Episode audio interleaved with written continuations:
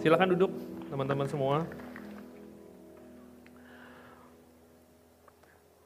Di minggu yang lalu kita belajar tentang arti daripada Minggu Palma. Ketika Yesus masuk ke Yerusalem dan semua orang mengeluh-elukan dia, semua orang bersorak-sorai mengambil daun palma, bahkan mereka melepaskan jubahnya, menaruh jubahnya di lantai, dan Yesus masuk ke Yerusalem menunggangi seekor keledai sebagai tanda daripada kehambaannya. Kemudian hari Kamis yang lalu kita merenungkan bagaimana Yesus melakukan perjamuan yang terakhir bersama dengan murid-muridnya. Sehingga hari ini kita semua juga dapat makan minum perjamuan dengannya. Kemarin hari Jumat kita boleh merenungkan Jumat Agung di mana kita mengingat Yesus yang telah disiksa, didera, bahkan dia mati bagi kita. Dan hari ini adalah hari Sabtu suci, di mana kita boleh mengingat Yesus yang telah mati terbaring di kubur. Dan firman Tuhan hari ini diambil daripada Yohanes 19,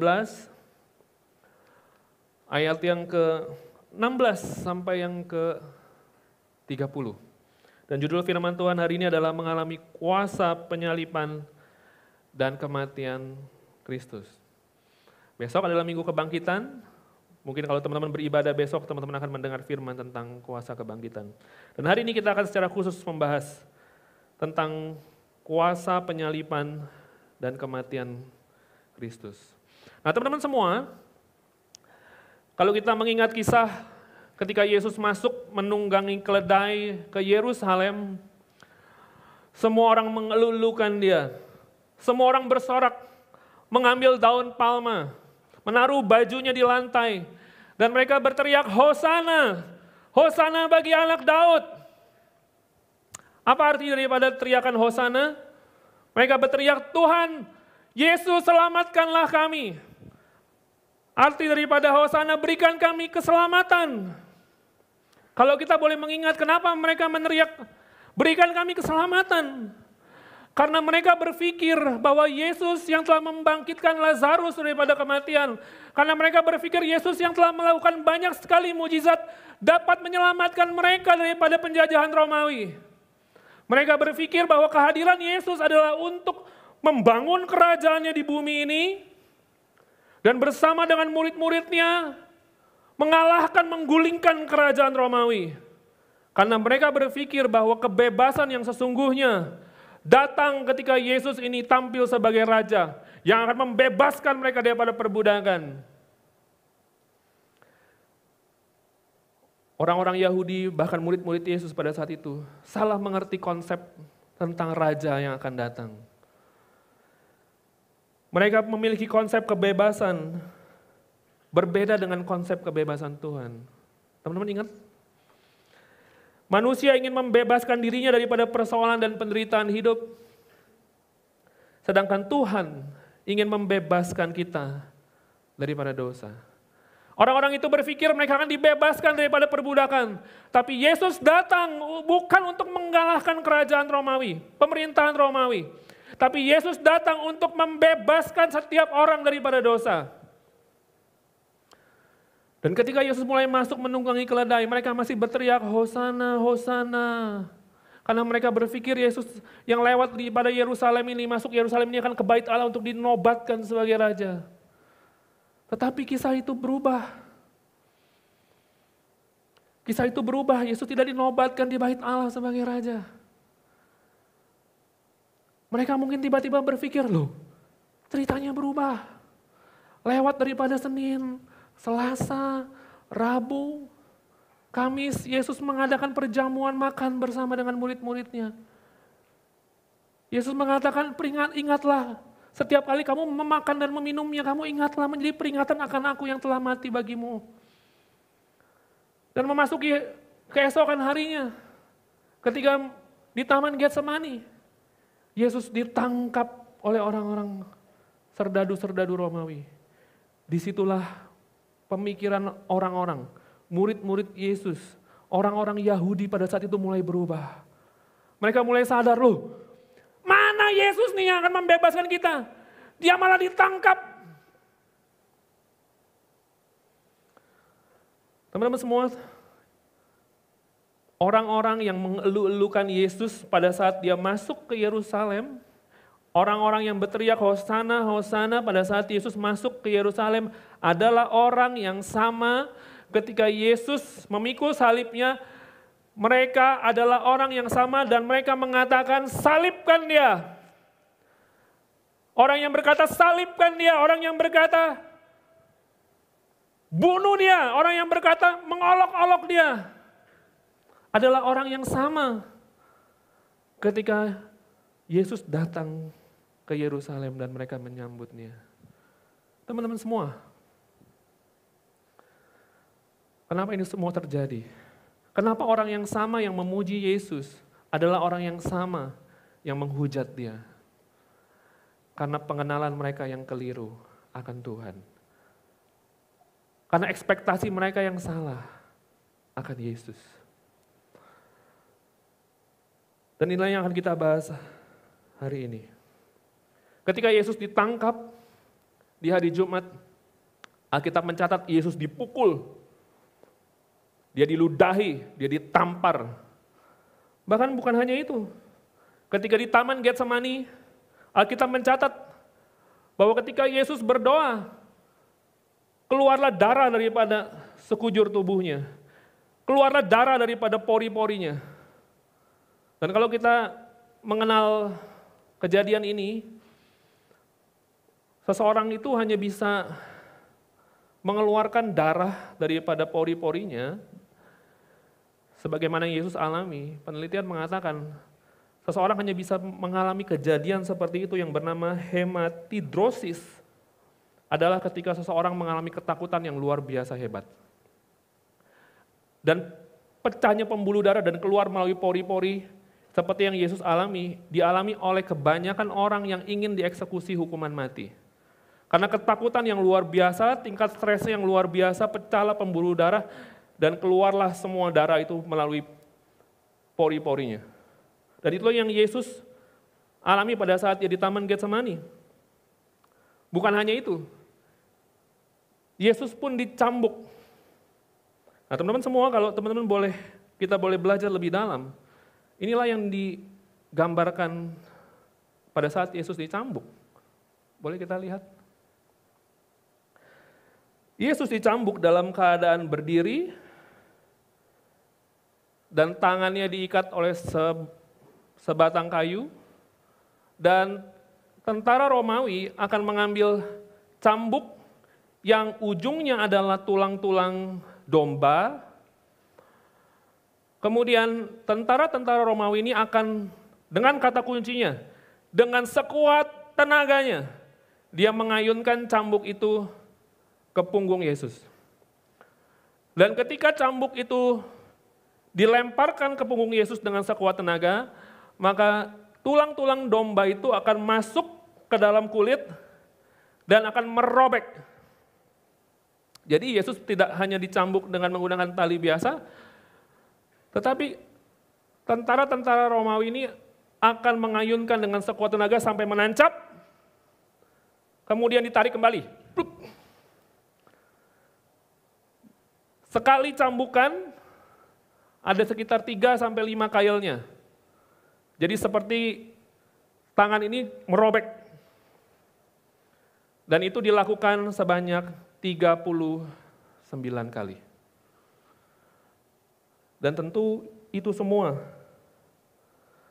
adalah cambukan yang merobek seluruh punggung Yesus. Dan tentara Romawi akan mencari bagian yang kosong, yang tidak robek, untuk dicambuk sampai hancur tubuhnya. Dan di sinilah penderitaan Yesus dimulai. Seluruh otot-ototnya, dagingnya terkoyak keluar semua sehingga tubuhnya mulai tidak berbentuk. Dan peristiwa ini adalah peristiwa yang mengawali sebelum Yesus memikul salibnya. Dan penyalipan merupakan peristiwa kematian yang paling kejam dan mengerikan dari semua kematian. Penyaliban diberikan hanya kepada orang yang melakukan kejahatan tingkat tinggi terhadap kaisar dan disediakan untuk penjahat ataupun budak yang patut menerimanya. Dan Yesus memulai penyaliban ini. Dan kita dapat melihat dalam Yohanes 19 ayat 16 sampai yang ke-17. Mari teman semua ketika firman hari ini disampaikan, bawalah hati pikiranmu kepada salib Yesus. Di situ dia akan menjamah hatimu. Yohanes 19 ayat 16, akhirnya Pilatus menyerahkan Yesus kepada mereka untuk disalibkan. Mereka menerima Yesus. Sambil memikul salib, ia pergi keluar ke tempat yang bernama tempat tengkorak dalam bahasa Ibrani, Golgota.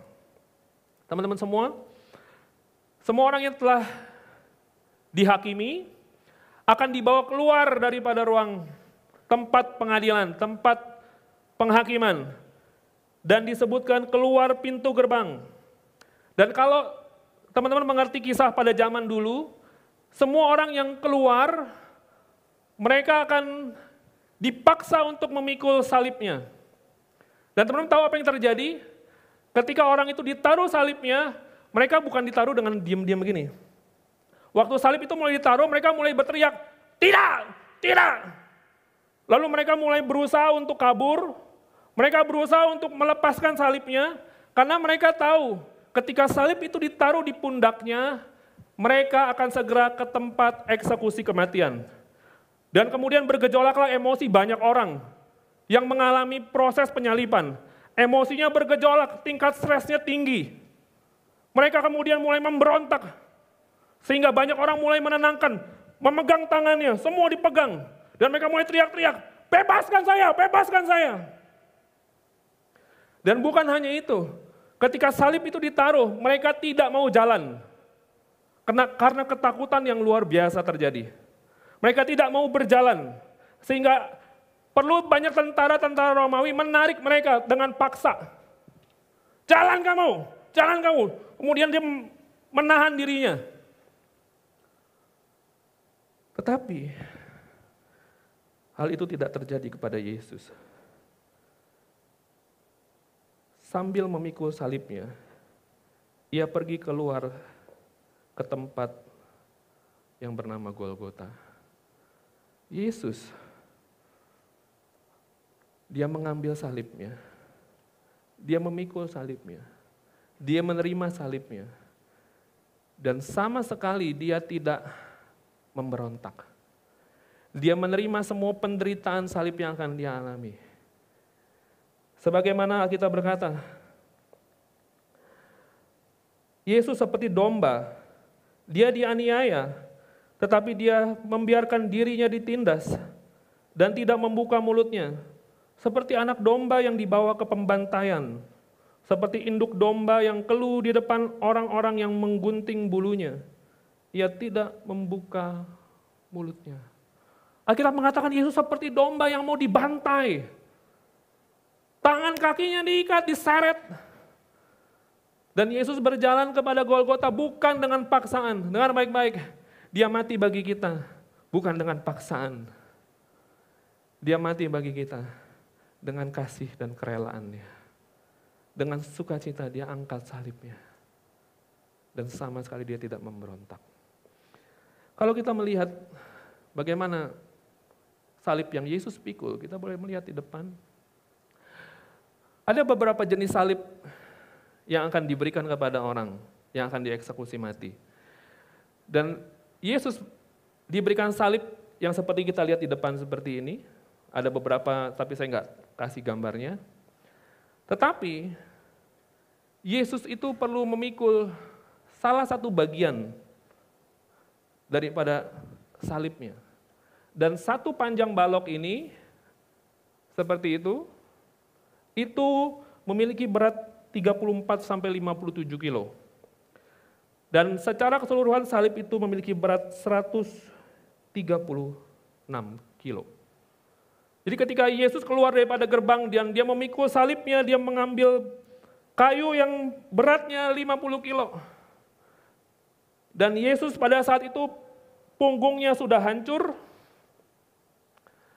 dan kayu yang kasar ini menusuk seluruh punggungnya. Dan itulah yang Yesus lakukan selama dia berjalan menuju Kalvari. Dan dia lakukan ini sama sekali tidak memberontak. Dia lakukan karena dia sangat mengasihi kita. Sehingga saya menulis yang pertama, karena kasihnya kepada kita dan ketaatannya kepada Bapa. Yesus mengangkat dan memikul salibnya sendiri, serta berjalan menuju kematian. Supaya kita yang percaya dapat mengasihi dan taat kepada dia, serta mengangkat salib kita sendiri, serta berjalan menuju kepada kehidupan kekal. Teman-teman, Kristus mati bagi kita, supaya kita dapat memiliki kehidupan kekal. Supaya engkau dan saya tidak binasa, melainkan beroleh hidup yang kekal. Engkau bisa beli berusaha dengan keras berprestasi. Kau bisa berusaha dengan keras mencapai jabatan yang kau mau. Kau bisa berusaha dengan keras menggapai mimpi-mimpimu. Tetapi engkau tidak pernah bisa berusaha dengan keras untuk mendapatkan kehidupan kekal. Karena kehidupan kekal telah diberikan oleh Yesus kepada kita. Makanya kalau kita hari ini melihat berita tentang salib, kita perlu mengingat terima kasih Tuhan. Salibmu memberikan saya kehidupan kekal. Sesuatu yang saya tidak akan pernah mampu dapatkan dengan tangan saya sendiri. Karena kerajaan Allah, karena kehidupan kekal begitu mahal harganya. Amin teman-teman semua. Seringkali dalam kehidupan kita mungkin kita ikut Tuhan seberapa banyak teman-teman tidak rela untuk taat kepada firman Tuhan. Seberapa banyak kau mengikut Tuhan dengan penuh pemberontakan. Seperti orang-orang yang disalibkan itu, ditaruh salibnya dan mereka memberontak. Seberapa banyak kita mungkin juga seperti itu dalam kehidupan kita. Ketika Tuhan memberikan perintahnya, memberikan firmannya, kita jadi orang yang memberontak luar biasa hebat. Tetapi Yesus mati bagi kita. Dia seperti domba yang dibawa ke tempat pembantaian, dia diam. Dengan dengan kerelaannya, dengan sukacita dia taat kepada Bapaknya. Supaya waktu teman-teman tahu kebenaran ini, waktu engkau harus menjalani proses dalam kehidupanmu, engkau dapat dengan rela, sukacita, taat kepada Tuhan. Karena engkau tahu, Kristus telah rela terlebih dahulu memikul salibnya untuk engkau. Kristus mengasihi bapaknya. Makanya dia berkata, Bapak kalau boleh lalukan cawan ini daripadaku. Supaya bukan kehendakku yang jadi, melainkan kehendakmu. Kenapa Yesus berkata seperti itu? Supaya dalam kehidupan kita hari ini kita juga dapat berkata, Tuhan kalau boleh jangan kehendak saya, jangan rencana saya, jangan kemauan saya, jangan ego saya. Tapi biarkan kehendakmu jadi dalam kehidupan saya. Teman tahu, bentuk penyembahan yang paling tinggi dalam kehidupan kita apa? Ketaatan kepada Bapa. Penyembahan kita bukanlah waktu kita mengangkat tangan dan kita menyanyi oh praise the name of the Lord. Itu bagian kecil daripada penyembahan. Penyembahan kita yang tertinggi sewaktu kita dapat berkata Tuhan tukar kehendakku dengan kehendakmu. Itulah yang harum di mata Tuhan. Dan itulah yang Yesus lakukan bagi hidup kita. Kristus sangat mengasihi kita dan ia taat dengan penuh kerelaan kepada Bapa supaya kita yang percaya dapat mengasihi dan taat kepada Dia serta kita dapat mengangkat salib kita sendiri serta berjalan menuju kepada kehidupan kekal. Ada banyak orang Kristen dia nggak mau pikul salib, dia nggak mau menderita. Kristus jalan memikul salibnya kepada kematian. Supaya kita yang hari ini mengikuti dia, kita mengangkat salib kita tapi tidak menuju kepada kematian. Tetapi kepada kehidupan yang kekal. Kalau kita hari ini merindukan kehidupan kekal. Kita yang telah percaya kepadanya. Kita yang telah dilahirkan baru. Pikulah salibmu. Dan kau akan menuju kepada kehidupan kekal.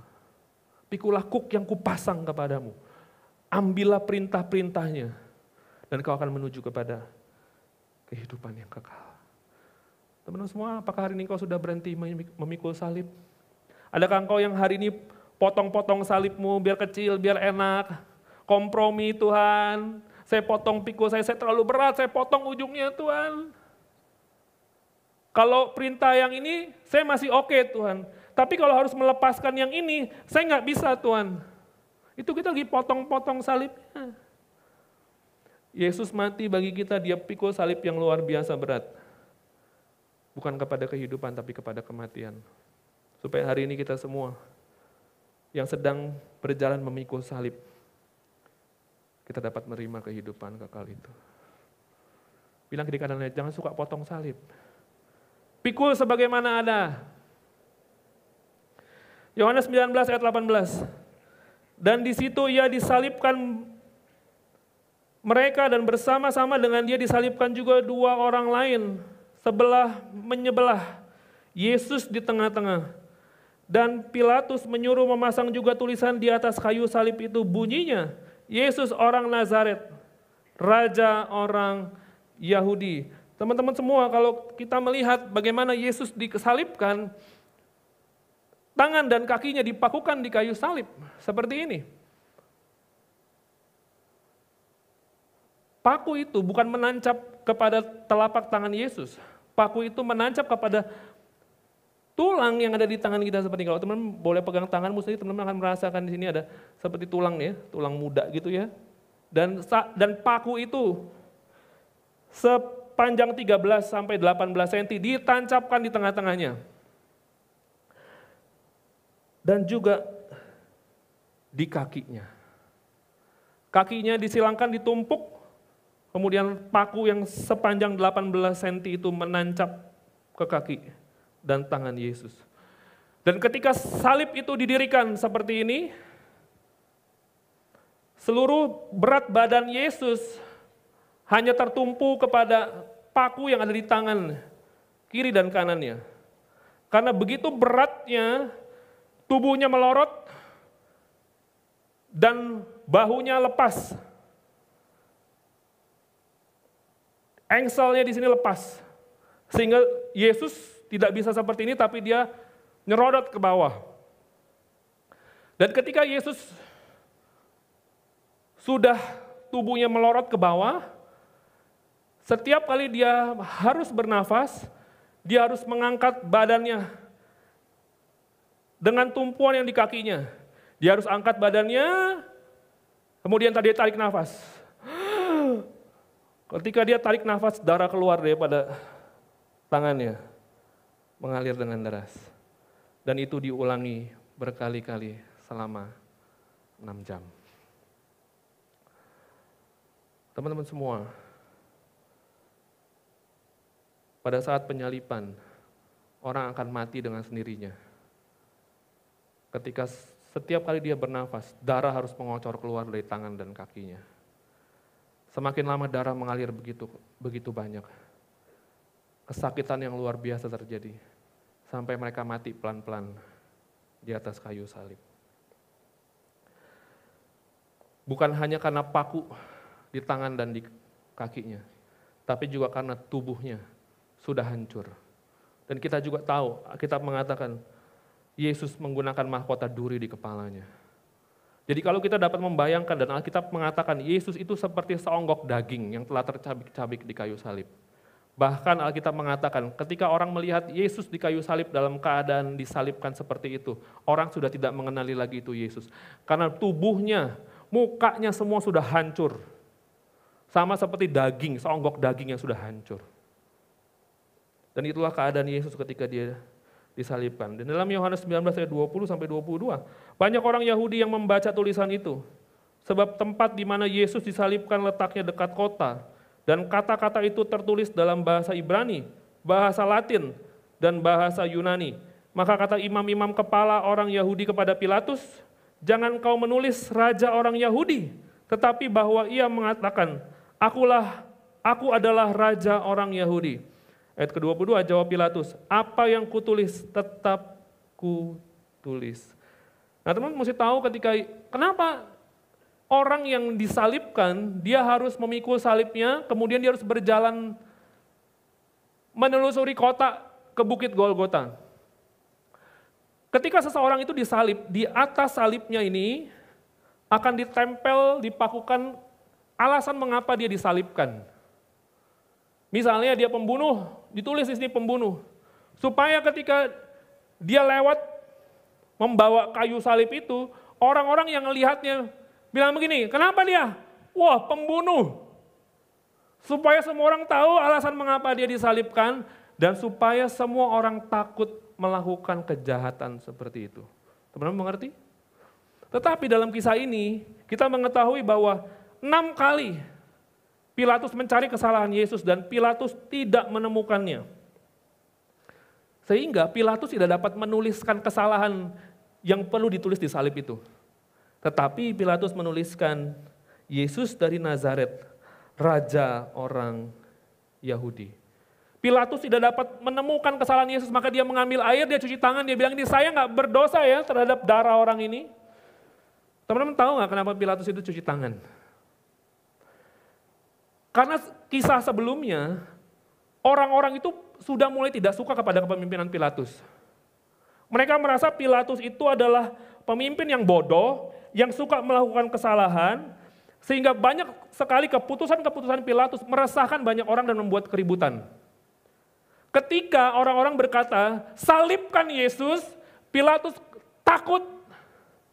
Dia berpikir, kalau saya nggak salibkan orang ini, saya pasti akan mengalami kematian, dibunuh, karena warga akan luar biasa ributnya. Jadi Pilatus ini sebetulnya mencuci tangannya bukan karena dia tahu siapa Yesus tapi karena dia ingin melindungi dirinya daripada bahaya, kerusuhan. Bahkan dia ingin melindungi dirinya daripada apa? Dibunuh, diturunkan oleh warga, oleh rakyatnya. Teman-teman, kita seperti Pilatus sering kali. Dalam kehidupan kita, sering kali kita menukar Yesus. Seringkali kita membuang Yesus karena kita ingin diterima oleh orang lain. Seberapa banyak engkau melakukan dosa karena apa? Karena engkau ingin diterima oleh orang lain. Seberapa banyak engkau tidak melakukan kebenaran kenapa? Karena engkau takut kehilangan penerimaan orang lain. Sehingga engkau membuang Yesus daripada hidupmu. Dan itulah yang dilakukan Pilatus.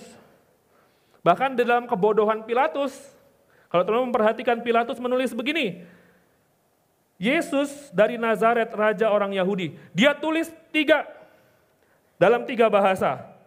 Bahasanya apa? Ibrani, Latin, dan Yunani. Ini Pilatus benar-benar pemimpin yang bodoh. Dia tulis tiga, Yesus orang Nazaret, raja orang Yahudi. Satu bahasa. Yang di bawahnya bahasa lain. Di bawahnya lagi bahasa yang lain. Tahu nggak kenapa? Karena orang pada saat itu terdiri dari banyak orang yang mengerti bahasa.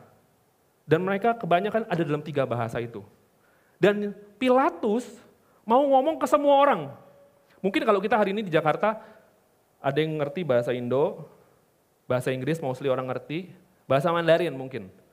Nah Pilatus pikir gini, ini kan rakyat banyak orang berbagai bahasa ya, gue tulis tiga-tiganya deh. Supaya declare, apa declare-nya? Yesus orang Nazaret, Raja orang Yahudi.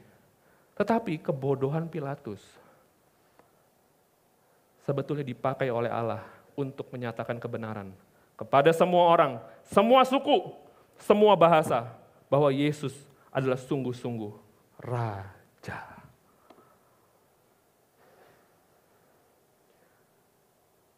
Dan kenapa tulisan itu ditancapkan di atas kepalanya, di salib ini? Supaya kita mengerti bahwa kuasa kerajaan Allah hanya dapat terjadi melalui pertukaran salib Yesus. Teman-teman semua, kuasa kerajaan Allah bukan waktu lu worship, lalu lu wah kejang-kejang dilawat. Itu bukan kuasa kerajaan Allah. Kuasa kerajaan Allah juga bukan hanya ngomong tentang mujizat. Kuasa kerajaan Allah waktu hidupmu ditransformasi oleh pada kuasa kematian dan kebangkitannya. Itu kuasa kerajaan Allah. Maka penulisan Yesus sebagai raja dinobatkan di atas kayu salib supaya engkau mengerti kehidupan dalam kerajaan Allah, kehidupan mengikut Tuhan adalah kehidupan memikul salib, menukarkan kehendakmu dengan kehendak Tuhan, menukarkan egomu dengan rencana Tuhan. Itu kehidupan kerajaan Allah dan kuasa yang mengubahkan hidup kita. Bukan waktu kita cuma doa doa doa doa kita dilawat, bukan. Teman-teman tahu lawatan yang paling benar terjadi itu apa? Bukan waktu nangis dilawat, bukan waktu nangis nyembah gitu. Lawatan yang benar terjadi waktu kehendakmu ditukar oleh kehendak Tuhan. Itu lawatan. Kalau engkau cuma nangis-nangis kau bilang dilawat Tuhan tanpa perubahan hidup. Maaf sekali itu bukan lawatan. Tapi lawatan Allah, intervensi Allah dalam hidupmu adalah kuasa pertukaran. Bagaimana engkau bisa menukar kehendakmu dengan kehendak Tuhan waktu engkau melihat kepada salibnya. Terima kasih Tuhan, engkau hidup tidak untuk dirimu sendiri. Kau tukar kehendakmu untuk menyelamatkanku. Itulah kuasa kerajaan Allah. Amin teman-teman semua. Itulah kuasa kerajaan Allah. Saya tulis yang poin kedua, kuasa kerajaan Allah hanya bisa dialami dalam menyatunya kita dengan kematian dan kebangkitan Kristus di kayu salib melalui jalan pertobatan dan pengudusan hidup.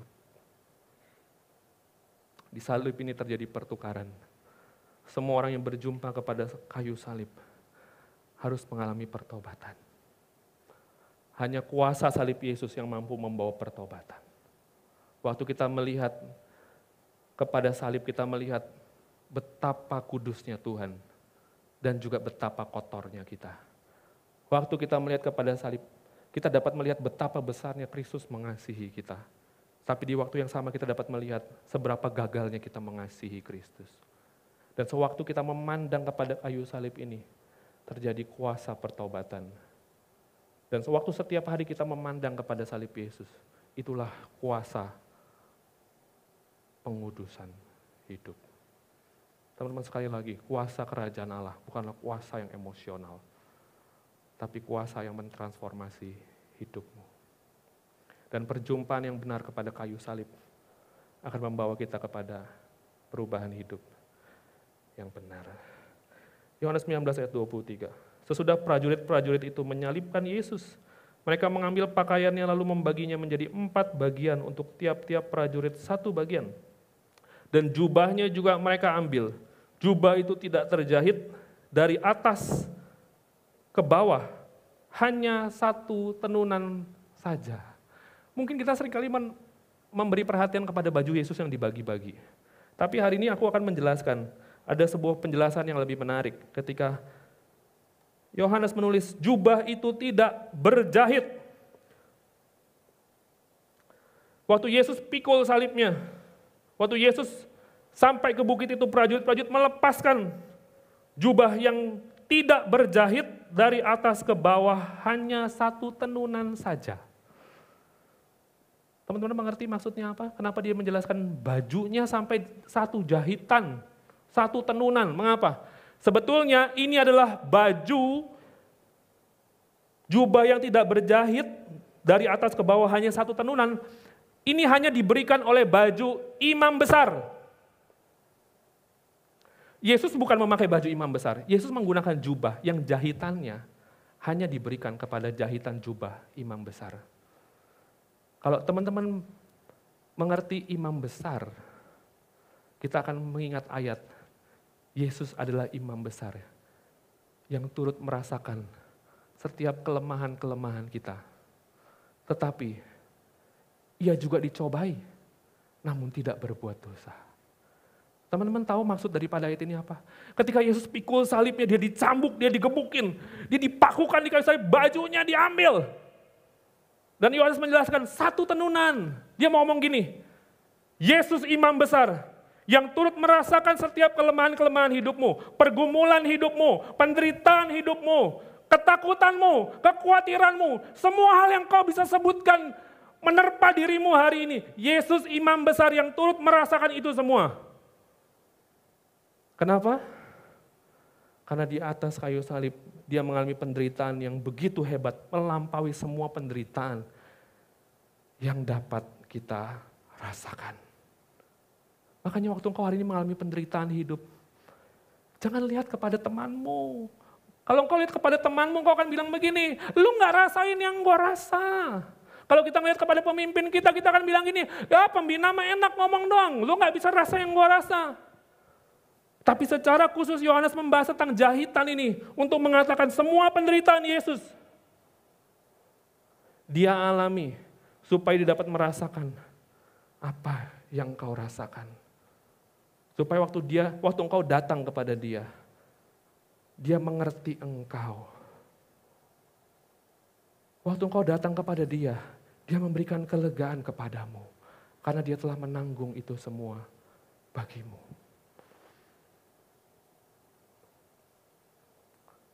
Teman-teman semua ini yang Yesus lakukan dalam hidup kita. Mungkin ada banyak hal dalam hidupmu. Engkau berkata, kakak nggak rasain apa yang saya rasa. Siapa pun nggak bisa rasa. Mungkin kau datang ke tempat ini, kau hancur, jatuh, jauh daripada Tuhan. Seakan-akan rasanya begitu campur aduk, patah. Tapi dengar baik-baik, Kristus merasakan semua yang kau rasakan. Penolakanmu, kekecewaanmu, ketakutanmu, air matamu, kelelahanmu, kesakitanmu. Itu semua dia rasakan di kayu salib. Sehingga hari ini kita semua dapat datang kepada dia. Aku tulis di sini, Yesus berjalan di jalan penderitaan dengan menggunakan jubah tidak berjahit satu tenunan, yang sama seperti jubah imam besar yang tidak berjahit dan satu tenunan untuk memberikan kenyataan kepada kita bahwa Yesus adalah imam besar yang turut merasakan penderitaan kita. Ia bukan hanya merasakan tapi turut menanggung dan memberikan apa? kemenangan kepada kita. Semua orang yang ikut bersama-sama memikul salib, semua orang yang bersama-sama ikut melihat kepada salib Yesus, Yesus janji akan membawa kita kepada kemenangan. Karena di salib ini Yesus mengalami kemenangan. Teman-teman semua hidup yang berpusat kepada Kristus adalah hidup yang terus melihat kepada salib Yesus. Karena kemenanganmu ada di sana. Kekuatanmu, motivasimu, doronganmu, semua ada di pada kuasa salib Yesus. Ayat ke-24. Karena itu mereka berkata seorang kepada yang lain, Janganlah kita membaginya menjadi beberapa potong, tapi baiklah kita membuang undi untuk menentukan siapa yang mendapatkannya. Demikian hendaknya genaplah yang ada tertulis dalam kitab suci. Mereka membagi-bagi pakaianku di antara mereka, dan mereka membuang undi atas jubahku. Hal itu telah dilakukan prajurit-prajurit itu. Teman-teman, semua itu dilakukan karena dia sangat mengasihi kita. Ayat 25. Dan dekat salib Yesus berdiri ibunya dan saudaranya Maria. Saudara ibunya Maria, istri Klopas dan Maria Magdalena. Ketika Yesus melihat ibunya dan muridnya yang dikasihinya di sampingnya, berkatalah ia kepada ibunya, Ibu, inilah anakmu. Kemudian katanya kepada murid-muridnya, inilah ibumu. Dan sejak saat itu murid itu menerima dia di dalam rumahnya. Ayat yang ke-28. Sesudah itu, karena Yesus tahu bahwa segala sesuatu telah selesai, berkatalah ia supaya genaplah yang tertulis dalam kitab suci. Aku haus.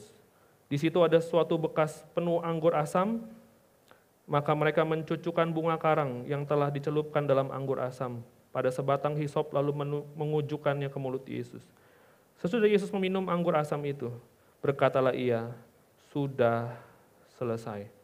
Lalu ia menundukkan kepalanya dan menyerahkan nyawanya. Kata-kata terakhir Yesus di atas kayu salib, dia berkata, sudah selesai. Dalam bahasa Yunani adalah tetelestai. Tetelestai memiliki empat arti. Orang-orang pada saat itu mengatakan tetelestai, ada empat kejadian biasanya. Yang pertama, kata sudah selesai atau kata tetelestai diucapkan oleh seorang hamba yang telah menyelesaikan tugasnya dengan baik. Kalau hamba sudah melakukan tugasnya dengan baik, dengan excellent, dia akan datang kepada Tuhan dan dia bilang ini, tetelestai, saya sudah melakukan tugas saya dengan sangat baik. Dan itu yang diucapkan oleh Tuhan kita. Waktu dia tergantung di kayu salib, dia berkata, Tetelestai, saya sudah melakukan tugas saya dengan sangat baik.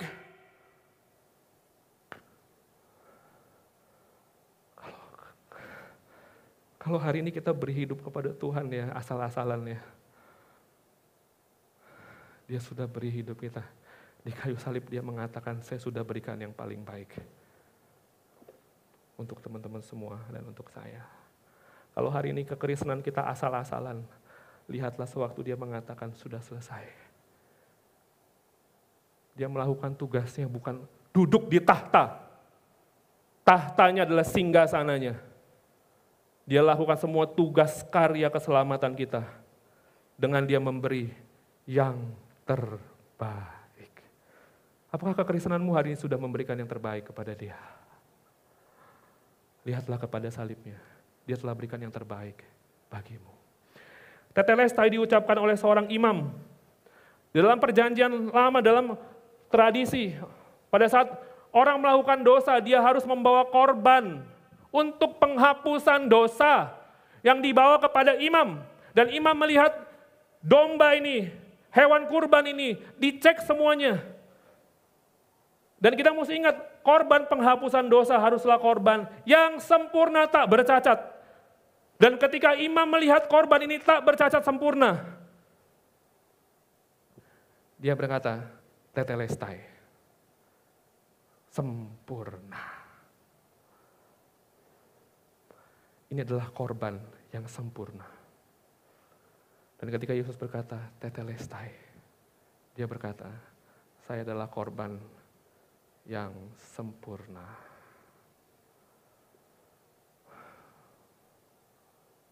Dia adalah korban yang tak bercacat. Maksudnya apa?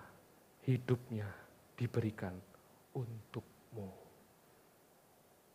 Tak bercacat, tak bercelah, diberikan untukmu. Supaya hari ini kau dapat memberikan hidupmu yang kudus, tak bercacat, tak bercela kepada Tuhan. Sewaktu Tuhan Yesus berkata, tetelestai. Tetelestai dikatakan oleh seseorang pedagang di pasar. Ketika orang pedagang jual barang-barang di pasar, dan dia terima uang, pedagang ini bilang, tetelestai sudah lunas dibayar. Ketika Yesus berkata, tetelestai, dia berkata apa? Hutang dosamu telah lunas, saya bayarkan. Pelanggaranmu, dosamu, kutukmu, sakit penyakitmu.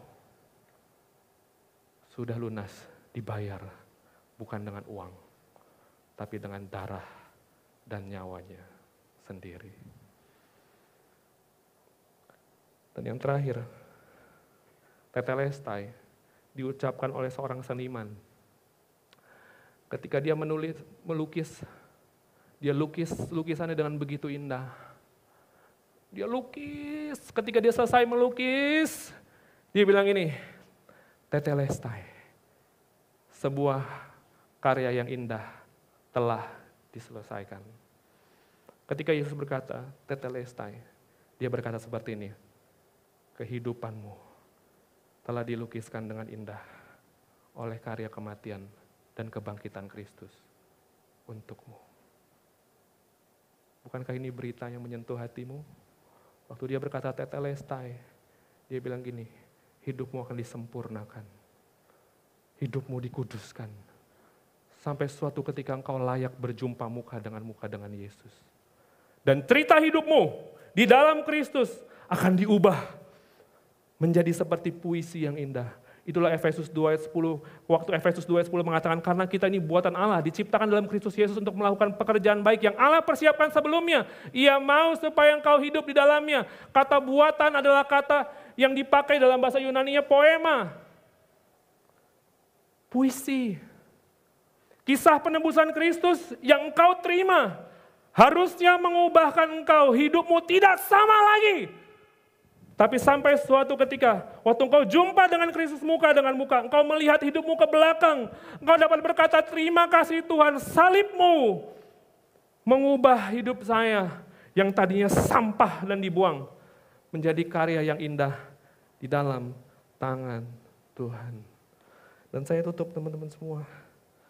Perkataan sudah selesai yang diucapkan Yesus adalah perkataan kesempurnaan atas karya keselamatannya dalam hidup kita.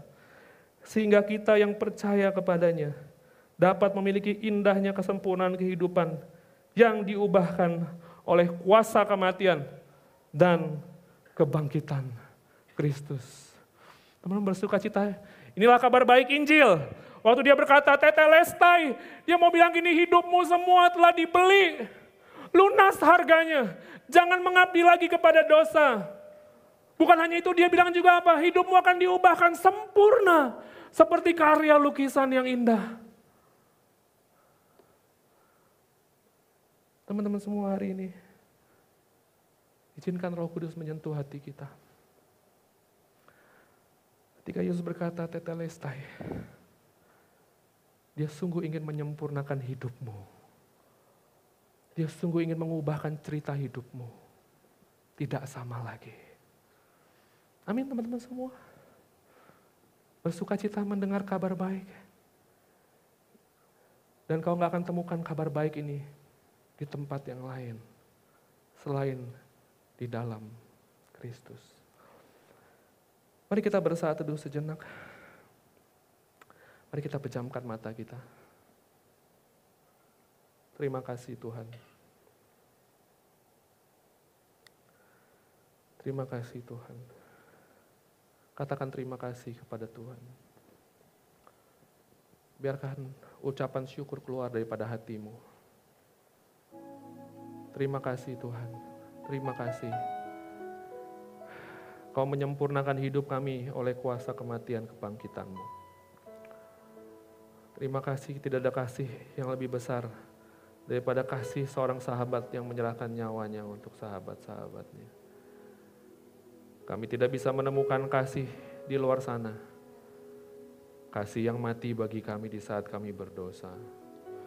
Untuk orang baik mungkin ada orang yang mau mati. Tapi untuk orang berdosa seperti kita, untuk bajingan seperti kita, hanya kita bisa temukan di dalam diri Yesus yang mati bagi kita. Biarkan hari ini kita merenungkan hidup kita. Kita membawa hidup kita. Mungkin engkau datang membawa dosa. Mungkin engkau datang membawa pergumulan Mungkin kau datang keluargamu berantakan bercerai. Papa mau berpisah. Kau datang tanpa pengharapan. Kau datang dengan kekhawatiran. Kau datang dengan ketakutan. Kau datang dengan banyak belenggu dosa. Tapi hari ini, Yesus telah mati bagi kita semua. Sewaktu ia mengatakan tetelestai, ia mau kita memberikan hidup kita yang terbaik kepadanya. Sewaktu ia mengatakan tetelestai, ia mau hidup kita kudus sempurna di hadapannya. Sewaktu ia mengatakan tetelestai, dia sedang mengatakan kepada kita, hutang dosamu telah dilunasi. Jangan berbuat dosa lagi. Sewaktu ia berkata tetelestai, dia sedang memberikan pengharapan untuk masa depanmu.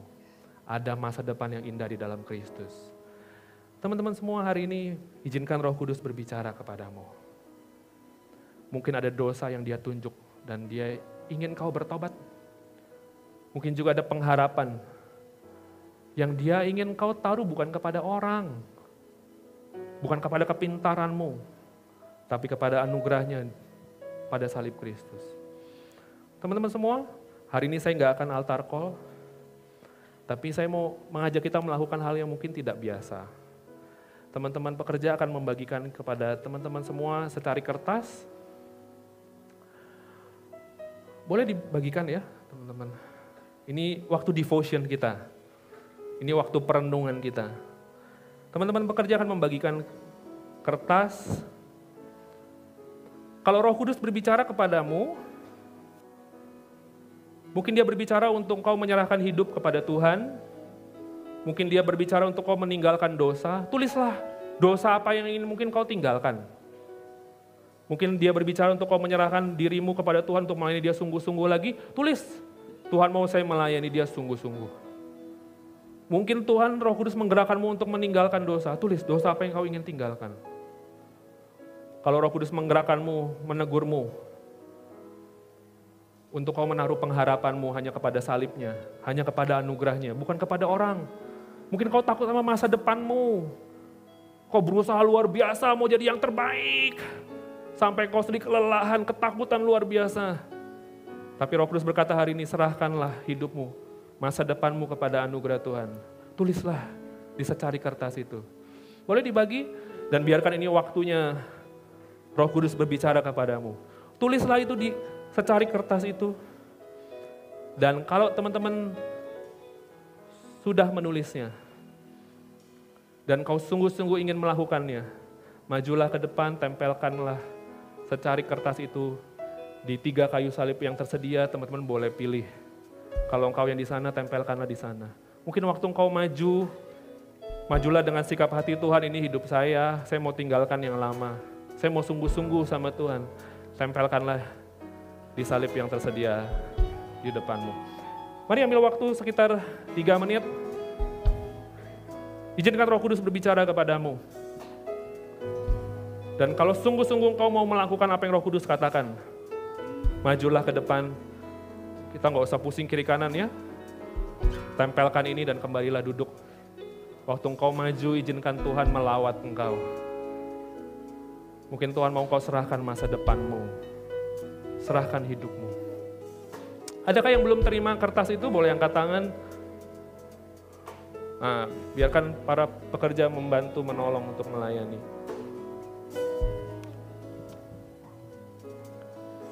Di secari kertas itu ada double tipnya, nanti teman-teman boleh buka, baru teman-teman tempelkan di depan.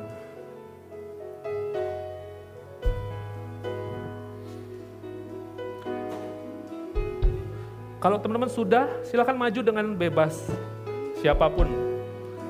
Sembari kita mengizinkan roh kudus berbicara, mari kita nyanyikan lagu ini. Kita datang kepada dia.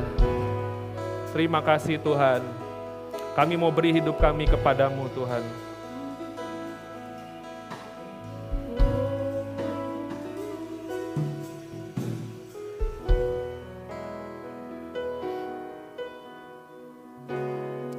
Terima kasih Tuhan. Mari maju ke depan, jangan malu.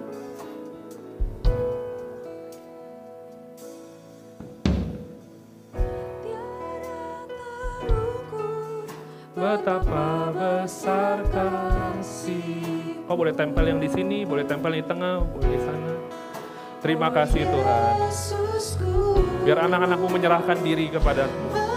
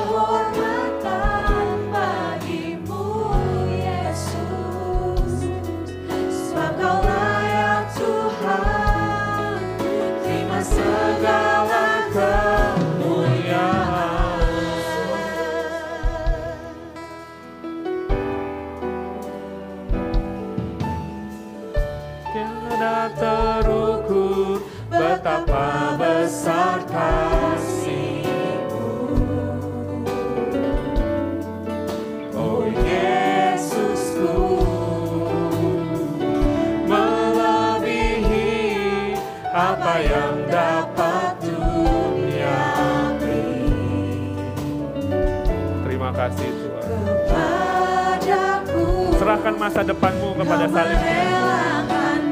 Tanggalkan dosamu di salibnya. Letakkan pengharapanmu di salibnya. Oh, terima kasih Tuhan.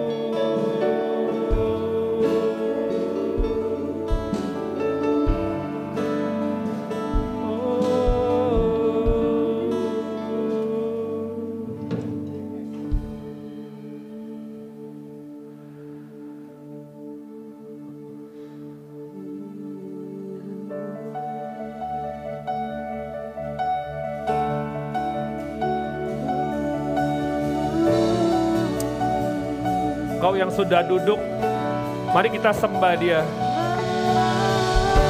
Mari kita datang kepada dia. Mari kita bangkit berdiri teman-teman semua. Kau yang masih mau taruh ke depan, kau masih boleh tempel di depan. Kau yang sudah duduk, mari kita datang kepada dia.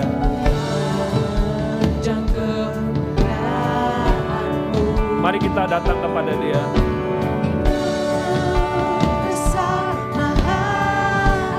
Terima kasih kau imam besar yang turut merasakan kelemahan-kelemahan kami. Kau pemilik hidup kami. Yesus Kristus Tuhan. Hidup kami bukan milik kami lagi Tuhan. Sujud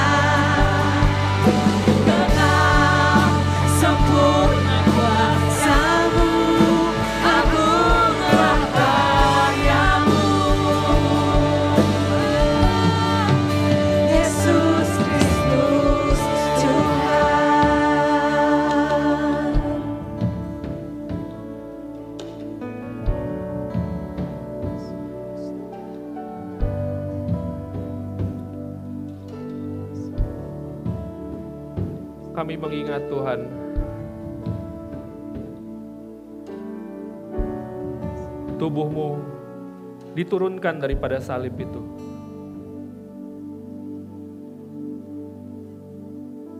Kami mengingat bagaimana engkau dibaringkan di kubur yang kosong.